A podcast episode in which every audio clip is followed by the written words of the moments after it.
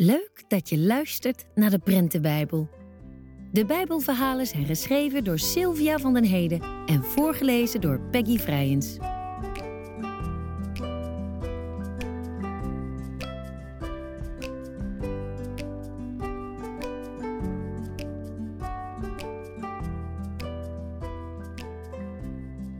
Dit is het verhaal over het begin. In het begin is er niets, behalve God. God maakt de hemel. God maakt de aarde. De aarde is nog woest en leeg. De adem van God blaast over het water. Er moet licht zijn, zegt God. En er is licht. God noemt het licht dag. Het donker noemt hij nacht. Het wordt avond en het wordt ochtend. Dit was de eerste dag. Er moet water boven zijn en water beneden, zegt God. Zo maakt God de hemel. Boven de hemel zijn de wolken en onder de hemel is de zee. Het wordt avond en het wordt ochtend. Dit was de tweede dag. Er moet droog land zijn, zegt God. En al het water stroomt naar één plek. Dat is de zee. Het droge land is de aarde.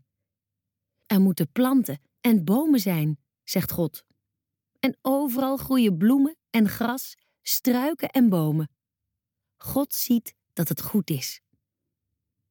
Het wordt avond en het wordt ochtend. Dit was de derde dag. Er moeten lichten aan de hemel staan, zegt God. Hij maakt de zon voor de dag en de maan en de sterren voor de nacht. God ziet dat het goed is. Het wordt avond en het wordt ochtend. Dit was de vierde dag. Er moeten dieren in het water zijn en dieren in de lucht, zegt God. Hij schept vissen en vogels, alles wat vliegt en zwemt. God ziet dat het goed is. Het wordt avond en het wordt ochtend. Dit was de vijfde dag. Er moeten dieren op het land zijn, zegt God. Hij maakt alles wat over de grond kruipt en springt en rent.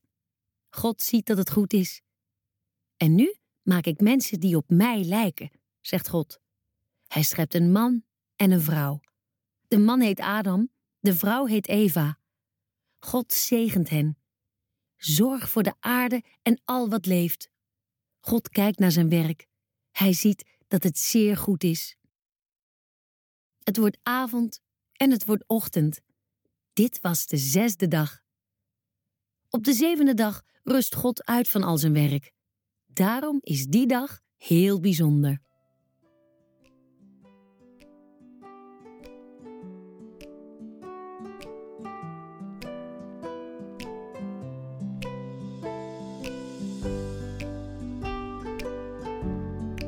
Hopelijk heb je genoten van dit verhaal uit de Prentenbijbel.